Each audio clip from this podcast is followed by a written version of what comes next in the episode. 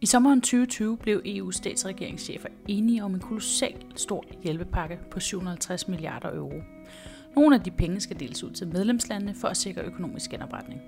Men for at få disse penge skal landene udarbejde en genopretningsplan, der skal afleveres til EU senest den 30. april. Men hvad er indholdet af den danske plan, der afleveres til EU? Det venter vi stadig svar på. I den her podcast spørger jeg forskellige danske aktører om, hvad de synes om genopretningsplanen, samt hvad det danske indhold skal være. Jeg hedder Julie Rosenkilde og er sekretærsleder i Nyt Europa, og det er mig, der stiller spørgsmålene. I dette afsnit tager jeg en snak med Marek Arsolay, der er ungedelegat i E til EU, og Monika Skadsborg, der er bestyrelsesmedlem i European Youth Forum og forperson for regeringens unge klimaråd. Her tager vi en snak om unges rolle i genopretningsplanen. Nå, Monika og, og Marek, vi øh, skal snakke lidt om, øh, om EU's genopretningsfond, og I er på hver jeres måde repræsentanter for, for unge i Europa. Kan I ikke lige selv forklare, hvad det er jeres mandat er, og hvor, hvad I laver? Øhm, Marek, vil du ikke starte? Jo. Jamen, jeg hedder Marek, jeg er 24 år gammel, jeg øh, studerer på CBS, og så bruger jeg meget min fritid i øh, forskellige foreninger, blandt andet Nyt Europa Unge. Og så for et år siden søgte jeg om at blive øh, Dansk Ungdoms EU-delegat til EU-kommissionens øh, ungdomsdialog. Øhm, så jeg er øh, ungdomsdelegat igennem DUF, hvor vi øh, hvert halve år tager til ungdomskonferencer for at diskutere øh, den samlede ungdoms stemme i EU. Og derudover så laver jeg lidt aktivisme med de andre frivillige i Nyt Europa og interesserer mig meget for klima og ligestilling, minoriteters rettigheder øhm, og ulighed. Mm-hmm. Ja. Og Monika, du sidder i European Youth Forum.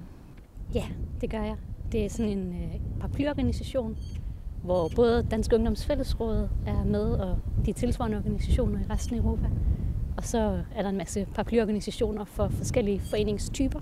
Så for eksempel Spejderne har en fælles europæisk forening, og studenterrådene, sådan nogle. Så det er sådan en, en god blanding af alle mulige ungdomsorganisationer, der sidder der. Ja.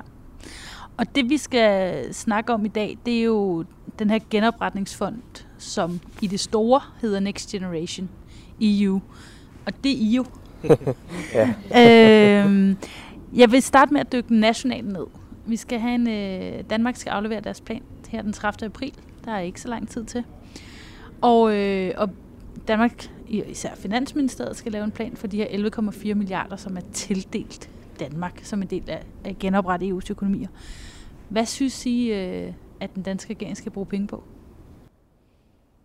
Jamen, jeg, jeg kunne godt tænke mig, at nogle af penge blev på øhm, at øhm, øh, skabe en katalysator for den grønne omstilling, fordi jeg tror, at midlerne ude i hænderne hos befolkningen skaber hurtigst omstilling og hurtigst øh, øh, innovation, fordi øh, i sidste ende er det jo deres virkeligheder, der skal forandres. Det er, hvordan vi forbruger som borgere, det er også, hvordan vi transporterer os, og det er, hvordan vi arbejder.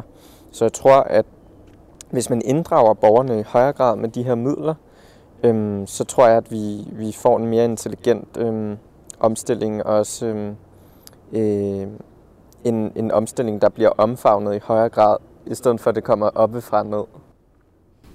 Hvad tænker du, Monika?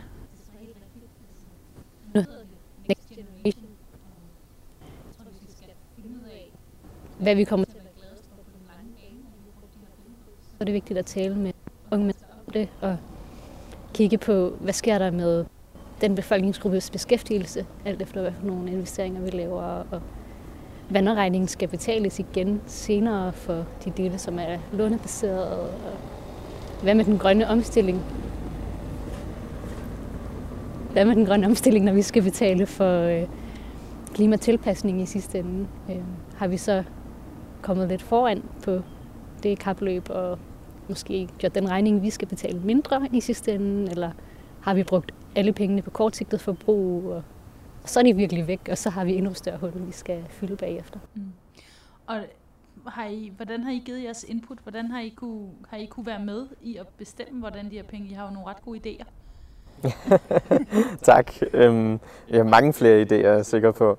Men det, jeg synes, der er svært med den her øh, Øh, om øh, sådan Next Generation EU og genopretningsfonden, det er jo også, at det, det er kommet ud af sådan en, en krise eller en situation, en udfordring, vi ikke har kunne kontrollere med en global pandemi. Men det der er sådan interessant, at sådan klimaomstilling har vi kendt til meget, meget lang tid. Øhm, og, og jeg tror, at, at det her med, med coronapandemien virkelig har sat en skubber på, at vi bliver nødt til at investere os for at skabe nogle løsninger. Men lige præcis den her pakke har vi slet ikke været inddraget i, hvor jeg synes egentlig, at vi har mange sådan forskellige om, øh, platforme for at inddrages i, for eksempel øh, klimaomstillingen.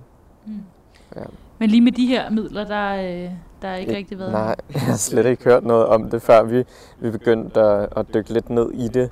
Øhm, men altså, øhm, jeg har været til en debat omkring det, øhm, og jeg ved, at der også har været arrangeret nogle enkelte arrangementer, men det, det tager overhovedet ikke den fokus, jeg, jeg synes, det bør, bør tage. Så der har også sådan generelt manglet en eller anden folkelig oplysning om, at, at vi har lånt nogle penge sammen, og vi har, vi har omfordelt nogle penge rundt i Europa, som ikke rigtig bliver taget.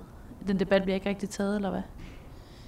Jamen, vi har jo sigt inde i YFTA og tale med vores medlemmer og oplyse øh, de unge råd, der sidder rundt omkring i Europa om, sådan, hvad er det her overhovedet, og hvem bestemmer hvad, og hvem er det, I skal genere for måske at påvirke et eller andet.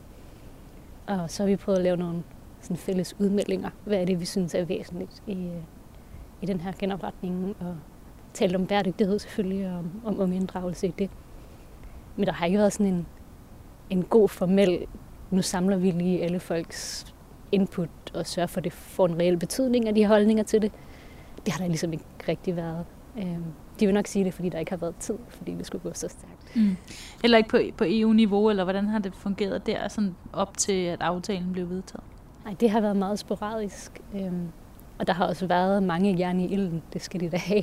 øhm, og det har altid været sådan lidt, øh, lidt svært at vide, når man så sender ind, at man har nogle holdninger. Hvor går det så hen? Mm. Øhm, ja. Men sådan er det jo med sådan nogle politikprocesser. Men hvorfor er det, hvorfor er det vigtigt? Altså nu sidder I nogle, nogle gode steder som unge repræsentanter, der er blevet lavet nogle, nogle fora for, hvor man faktisk kan få mere indflydelse. Hvorfor, hvorfor de med denne her pakke? Hvorfor skulle unge? Hvad, hvad, hvad kan I tilbyde? Jamen det er jo, altså, øh, er navnet Next Generation, det er jo også der også kommer til at betale regningen i gåsøjne, og øhm, skal betale tilbage på de her øh, lån og det og det, det arbejdsmarked, vi er jo den generation, der kommer til at skulle være der længst tid. Så hvordan vi former fremtidens samfund, synes jeg per definition kræver vores indflydelse. Fordi vi skal være i det. Og det kan godt være, at unge ikke har lige så meget livserfaring, men det er os, der er hurtigst til at omstille os. Og det er også, jeg tænker, kommer med de innovative løsninger, der er brug for. Det er os, der kan tænke ud af boksen. Jeg havde det udtryk, men... Hvorfor øh, skal, skal unge være med i den her? Har du noget, øh, du, vil, du vil uddybe i forhold til Marek? Det, det tror jeg er meget enig i. Så det er også et godt demokratisk dem som ting ud over det, der kommer til at ske. Så det kan godt være, at øh, nogen synes, at man skal være en vis alder for at have en adgangsbillet til at have virkelig velinformerede holdninger omkring, hvordan vi skal bruge de her penge, men det, det er nemt at sige, hvis man ikke er dem, der skal i sidste ende justere sin skattebillet for at få pengene til at passe mm. i den anden ende. Og der gør det bare en kæmpe forskel, om man gør som mange danske NGO'er for eksempel har foreslået, og fremrykker nogle af de grønne investeringer og tager forskud på nogle af de penge, der alligevel skal findes til det. Mm. Øh, eller om vi giver pengene til business as usual, og så er de ligesom væk til senere. Ikke? Jo. Så det er, det er en god demokratisk selvfølgelig at se på, for hvem får det her konsekvenser? Hvem er det, der skal betale i sidste ende? Øh, hvordan undgår vi at regning i børneværelset, både for økonomien, men også for klimaet? Mm. Og så jeg er der enig i den der med at tænke, tænke nyt, men måske ikke super nyt, måske det er bare mere langsigtet, hvis det giver mening. Altså, fordi jeg ved godt, at jeg skal være skatteborger på den anden side af 2050. Og den faktor tager jeg jo med ind, når jeg prioriterer, hvordan jeg har lyst til, at samfundet skal bruge penge nu.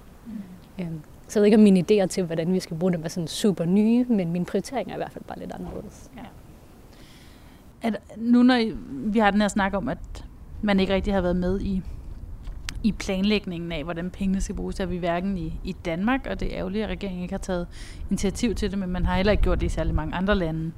Øh, og, og som du, Monika, siger, det er også begrænset, hvad der har været øh, fra kommissionens side inden, øh, til trods for, at det faktisk er et krav i, øh, i planerne. Øh, altså, hvad, hvad vil I gøre nu? Fordi en ting er, at man opsætter nogle mål som regeringer på, hvad det er, man skal bruge pengene på. Der er selvfølgelig nogle krav allerede, der hedder 37 procent på det grønne som minimum. Det må meget gerne være højere.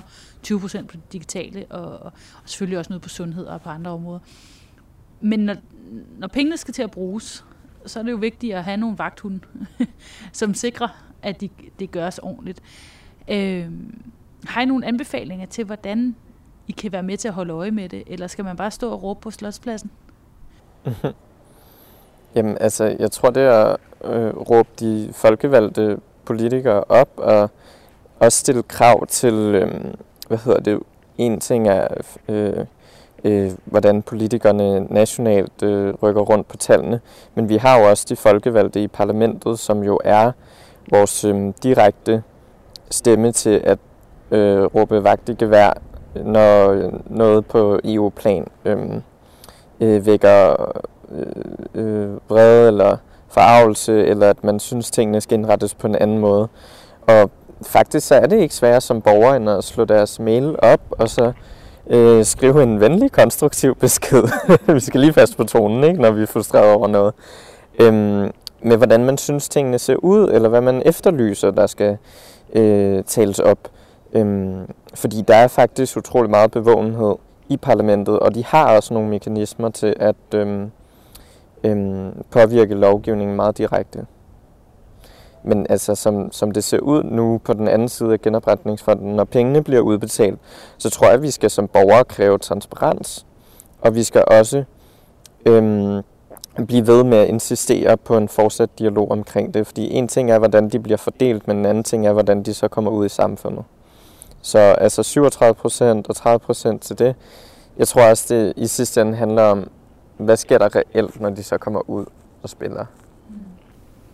Ja, det er rigtigt. Det er nemt at, øh, at sætte et klistermærke på, at jamen, det her handler også lidt om grøn omstilling. Det tæller med, -agtigt. og der tror jeg, det bliver væsentligt, at vi lige holder øje med. Nu går det ikke til greenwashing, eller til noget, som måske ikke rykker så meget, men det virkelig kommer ud af arbejde, hvor det er effektivt. Og så er det helt rigtigt det der med at henvende sig til sine folkevalgte. Det gælder også i Danmark. Øhm, jeg ved, i Unge Klimarådet, hvor jeg også sidder, der har vi indsendt sådan nogle grøn genstart ønskeliste øh, sidste år, da vi troede, vi snart skulle genstarte. Øhm, den tænker jeg lige, vi tager med igen her en gang i, øh, i slutningen af måneden, når vi skal mødes med ministeren, og lige minder om, at sådan, hey, det er fint med den der øh, vindmøllesatsning. Mega godt. Her er sådan en længere liste af ting, der ikke kom med sidste gang, øh, som stadig ligesom trænger. Og så er det selvfølgelig offentlig debat. Jeg tror, lige så snart man sætter EU foran noget, så lukker folk jo desværre ørerne. men, øh, men jeg tror også, vi som unge har et ansvar for at, øh, at tale om det, og øh, komme ud over den der idé om, at det er langt væk, fordi det er jo, altså, det er jo ikke langt væk mere end sådan forstået, at det bare det er en stor fælles investering, vi foretager nu. Øh, men den foregår jo også ude hos os. Men hvordan, hvordan gør man så det? Altså, hvordan, hvad, gør man helt konkret for at kunne sige, at det er vigtigt, at vi tager den her demokratiske samtale om, hvad vi bruger pengene på i Danmark, men jo også generelt, fordi hvad vi gør på det grønne kan være fint her, hvis det er. Det er det jo heller ikke øh, absolut. Men hvis man ikke også gør det fælles, så, så er der ret langt. Ikke? Så hvordan tager man, hvordan engagerer man øh, i sådan en her det, det langhårede genopretningsfacilitetsdebat, øh, som det jo faktisk også rigtig kedeligt hedder. Ja, det er det. Bare navnet, ikke? øhm, nej, jeg tror, så noget med at lave en, en podcast om det, og nogle debatarrangementer om det, og skrive noget, som ikke er helt vildt øh, besværligt at dykke ned i. Sådan gør det konkret for folk. Øh, fordi jeg tror, at folk har holdninger til det, og unge mennesker har også holdninger til EU, hvis de bare får at vide, at de ikke er for unge eller for dumme til at være med. Øh, så jeg tror, det handler om at også give folk lov til at have holdninger i virkeligheden. Ja. Mm. ja, gør, det, gør det mere nært. Altså, det er jo ens egen hverdag, det i sidste ende kommer til at påvirke. Også øhm, altså, hvis man cykler i København og bare ned hos Andersens Boulevard, er vi jo blevet slæbt for en EU-domstol, fordi den stadig forurener for meget i forhold til gennemsnittet, man har vedtaget på EU-plan, som vi selv har været med til at definere den lovgivning. Og det er jo ironisk. Så altså sådan, for mig at se, er der ingen forskel på klimakamp og EU-politik. Øhm, altså sådan, den grønne kamp er også i EU, og det er her, som jeg ser det, at vi rykker absolut længst, fordi vi har nabolande, og øh, skyerne kender ikke grænser, vandforurening kender ikke grænser, vores øh, øh, øh, hvad hedder det, landbrug er, er stærkt forbundet, fordi vi også har så stor øh, øh, en, en, en politik omkring landbruget i EU. Så, så som ung faktisk er nogle af de vigtigste kampe, vi kan kæmpe, øh, er øh, på EU-plan. Og, og det kræver også solidaritet øh, blandt vores nabolande. Det er jo ikke os mod de andre. Det er jo mere sådan, hvad, hvad kan vi opnå sammen? Og jeg tror, at unge er super skarpe til det i forvejen. Vi så det med Black Lives Matter. Altså, pludselig kom sådan forfærdelige øh, raceproblematikker i USA til at sådan vække en røst i Europa og i Danmark, og vi begyndte at indse, der er altså også problemer i Danmark, og folk gik på gaden. Der var 15.000 på gaden midt under en global pandemi. Og det synes jeg er sejt, og hvis vi kan begynde at se EU som en mulighed for at faktisk skabe ret store forandringer, så tror jeg også, at vi kan mobilisere ret mange unge. Det kræver bare, at vi taler om det på en anden måde, fordi det er blevet talt ned i Danmark i for lang tid. Hvad hedder det med de her øh, mange penge, øh, som de 750 milliarder symboliserer? Det er jo også et skift væk øh, fra det økonomiske paradigme, der var førhen i EU, som gik på sparepolitik. Øh, efter 2008 finanskrisen, så var der sparepolitik hele vejen rundt. Landene skulle spare. Nu har man valgt at optage gæld sammen. Øh, og det er jo noget, som er lang, lidt mere langsigtet, og noget, der kan gå ud over jeres generationer måske senere. Det er i hvert fald det, nogle økonomer siger, at så, har, så venter vi bare med øh, at betale regningen. Hvad, hvad tænker I om det? Altså, vi, vi begyndte at, at skulle investere os ud af en krise, i stedet for at spare. Hvad kan det gøre? Det er faktisk ret spændende øh, på EU-niveau. Altså, det kan godt være starten på en ændring i tankegang der. Lige om lidt så øh, kommer der også til at være diskussioner omkring de regler, der er for, hvad landene de må øh, med deres økonomiske omstændigheder og der er nogen, der mener, at nogle af de regler måske trænger til at blive, øh, til at blive efterset en lille smule. I YFJ der har vi meldt os ind i sådan et netværk, der taler om, hvad skal noget så sexet som fiscal rules være i fremtiden. Og øh, det selvfølgelig giver det mening på den ene side at forhindre, at et land laver et kæmpe underskud, og så efterlader regningen til deres børn, helt sikkert. Men hvis det for eksempel handler om at optage lån for at lave grønne investeringer, som på den lange bane er billigere, Øhm, fordi vi ved, at i det meste Europa kan det bedre betale sig at omstille, end det kan betale sig at rydde op bagefter, efter klimaforandringerne. Så det er jo egentlig det modsatte af at øh, efterlade en regning i børneværelset. Øhm, kan vi lave regler, der fremmer, at folk, øh, at landet godt til at gøre det? Øhm, og hvordan, øh, hvordan kan vi måske også indse det her lidt mere solidariske princip, at hvis vi ikke kan lave tilstrækkelige offentlige investeringer i i nogle lande, og det så går ud over for eksempel ungdomsarbejdsløsheden i Sydeuropa, så det er altså ikke kun deres problem. Vi er så forbundne nu som, som økonomi, at øh, det, det, det går også ud over mig, selvom jeg sidder i den modsatte ende af Europa. Ikke? Øhm, det er nogle samtaler, som vi skal have, øh, som sikkert bliver rigtig svære, fordi der er mange sådan modstridende principper på spil, men jeg tror, det er meget sundt, at man tør tage den op, og ikke bare siger, nu er det sådan her, for sådan har det altid været. Nu når I sidder i sådan et netværk, øh, der skal lave om på de øh, finansielle regler. Tror jeg så, at det, altså nu har man valgt at bruge en masse penge til investeringer, der er lån, øh, at, at regnereglerne øh, for den europæiske økonomi så er næste skridt. Altså tror jeg så meget på, at det, det, det kan ske? Eller hvordan, hvad, hvordan mærker I det? Det er i hvert fald øh, en tanke værd. Og det er lidt mere tilladt at tale om det nu, tror jeg, end det har været tidligere. Øh, fordi der er forskel på, hvad man har brugt pengene på, om ja. det er uansvarligt eller ej. Og den skældning har man ligesom ikke lavet super meget tidligere, så det er en meget spændende debat, der Og det er ikke bare, fordi Merkel går på pension lige om lidt.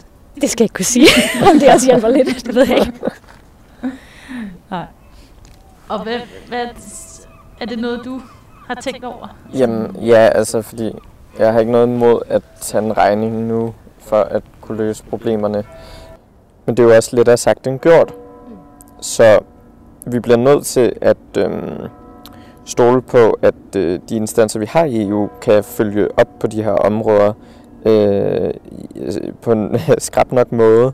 Fordi vi har jo også øh, diskussioner om øh, retsstatsprincipperne og nogle EU-lande, der ikke øh, forener sig med øh, de værdier, vi har i EU, og man skal sanktionere dem. Øh, jeg ser ikke rigtig nogen anden udvej, end at man tør at tage konsekvensen, hvis nogle lande ikke overholder aftalerne, og så sige, så lukker kassen. Øhm, fordi at øh, vi skal jo også have et, et praktisk EU, der kan sådan rykke lidt lettere på fødderne øhm, og har mere øh, kompetence, men det kræver så også, at vi skal være klar til det. Øhm, og jeg håber, at vi indser med de største udfordringer, vi har som, som samfund og nabolanden, at, at, at det hjælper langt større hen ad vejen, hvis vi så er villige til at opgive den suverænitet, eller give, give den kompetence videre. Jeg kunne godt tænke mig lige at høre til sidst, hvordan, øh, om I har nogle anbefalinger til regeringen, eller til at sige, at vi som unge kan også godt være involveret i altså hård økonomisk politik, og synes, det er vigtigt, at det ikke kun behøver at være øh, nogle enkelte specifikke fagområder, men det kan også være altså der, hvor pengekassen er. Hvorfor, altså, Mm. prøv at fortælle dem helt kort, hvorfor, hvor vigtigt det er, at unge er involveret også i den debat. Og det kunne være, at varmen skulle have en, øh, et, øh, et, et unge, unge øh, EU-råd. Jamen altså, hvorfor ikke nogle unge råd i alle ministerier efterhånden? Fordi jeg ser det der, hvor at vi, vi snakker sådan fordeling af, af, af budgetterne, altså økonomien. Det, det er både ret symbolsk, hvad pengene går til, men det er jo også der, hvor magten i sidste ende er. Øhm, det er jo, hvordan budgetterne er skruet sammen, og det kommer til at afspejle prioriteterne, både på klimaområdet, men også arbejdsmarkedet og alle mulige andre områder, uddannelse, sundhed. Og der, der, der, der, der er det jo faktisk der, hvor, at, øh, hvor man sætter nullerne og, og et-tallerne og tretallerne. Det er, jo, det er jo for helvede vigtigt for unge at have et, et, et, øhm, et input der. Og jeg, jeg, jeg påskynder unge paneler, men, men jeg synes også, at på en eller anden plan, så øh, skal det ikke blive symbolsk inddragelse. Man skal ikke bare høres, man skal altså også øh, være med ved bordet og så komme med input. Øhm, altså man skal jo ikke springe ledet over med folkevalgte politikere, men, men altså, der, der er bare nogle barriere, så jeg synes, hvis unge skal inddrages, så, øhm, så skal de også lyttes til. Øhm, og der må vi som unge også turde at øh, stille krav i, i højere grad. Øhm, og, og der er vildt mange unge, der er engageret i alt muligt. Øhm, og politik er ikke så langt fra at være med i en forening eller en eller anden ungdomsklub. Så altså, sådan, man skal bare kaste sig ud i det. Ja, det er meget rigtigt. Jeg tror, det er, det er godt, at det efterhånden smitter det her med unge paneler i forskellige ministerier. Øhm, og det gør det også nogle steder i udlandet.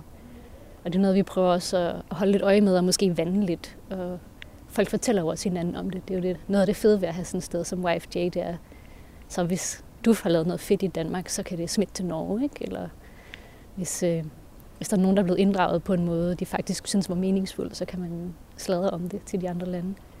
Øh, men jeg tror også, noget af det, der er en udfordring, det er øh, kapacitet og, og midler, og i nogle lande også sådan rum til at være øh, ungdomsorganisationer. Der tror jeg også, øh, det er måske meget godt, hvis man rent økonomisk kigger på, jamen, hvilken kapacitet har unge til at være uafhængige af deres regeringer, og måske vrede over det, der sker med rule of law nogle steder, eller stille krav til klima osv. Mm. Og så kunne jeg måske, som det aller, aller sidste, kunne jeg godt tænke mig at høre, øh, hvordan I vil opfordre andre unge, om det er danske eller internationalt, til også at være engageret i den her debat, når man hører om genopretningsfacilitet eller finansielle regler, eller sådan, hvor, hvor, hvorfor det er vigtigt at, at engagere sig i EU-debatten. Øh, jeg har også lidt været inde på det, men bare lige sådan en, en kort, det sådan elevatortale, yeah. hvorfor, det er, hvorfor det er vigtigt. Monika, du kunne måske starte. Vi var inde på det lidt før med sådan offentlig debatagtige ting, og du nævnte noget med at, at skrive til sine parlamentarikere. Øh, Udover det, så er det måske også vigtigt at organisere sig og gå sammen med nogle andre unge, som vil det samme, og få lidt flere navne på den der mail, man, man sender øh, ned i bunden. Og vise, at det, det er altså ikke bare min skøre idé som borger, det er faktisk også som, øh, som gruppe, som unge, der faktisk har en fælles interesse i, at der bliver gjort nogle bestemte ting. Mm.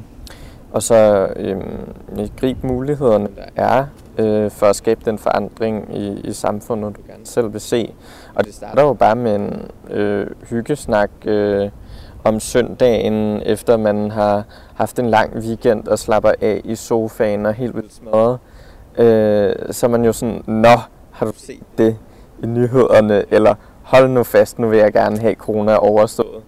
Ja, men hvad, hvad, hvad skal der være, når det er overstået? Det er jo, det er jo genopretningsplanen, ikke?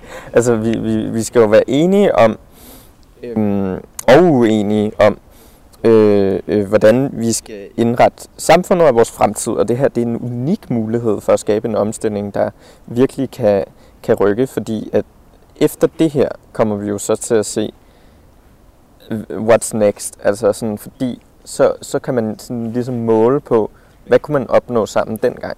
Så hvis vi ikke tør at kaste os ud i det, så kommer vi aldrig derhen til, at vi kan skabe løsninger på fælles grundlag. Øhm, og det kunne være nice, hvis øh, vores generation, Monika, øh, kunne være first mover på den der. Det, det fikser vi lige, det ja, tænker jeg. Det kunne være så nice, men vi har brug for andre. Det kan ikke gøre det alene. Jamen altså, tusind tak for snakken. Det er godt, vi har jer. Og så øh, er der en masse andre, der skal skal følge trop, øh, som vi om nogle år kan, kan snakke med nogle andre unge øh, om fortsat genopretning eller omstilling, eller hvad der, hvad der er at snakke om. Øh, så tak for, tak for snakken. Tak. Og held og lykke tak. med jeres arbejde. Denne podcast er støttet af Europanævnet. Hvis du har lyst til at støtte Nyt Europas arbejde, kan du melde dig ind. Det koster 200 kroner om året og kan gøres via MobilePay på 88 175 eller se, hvordan du kan blive medlem på nyteuropa.dk. Tak fordi I lytter med.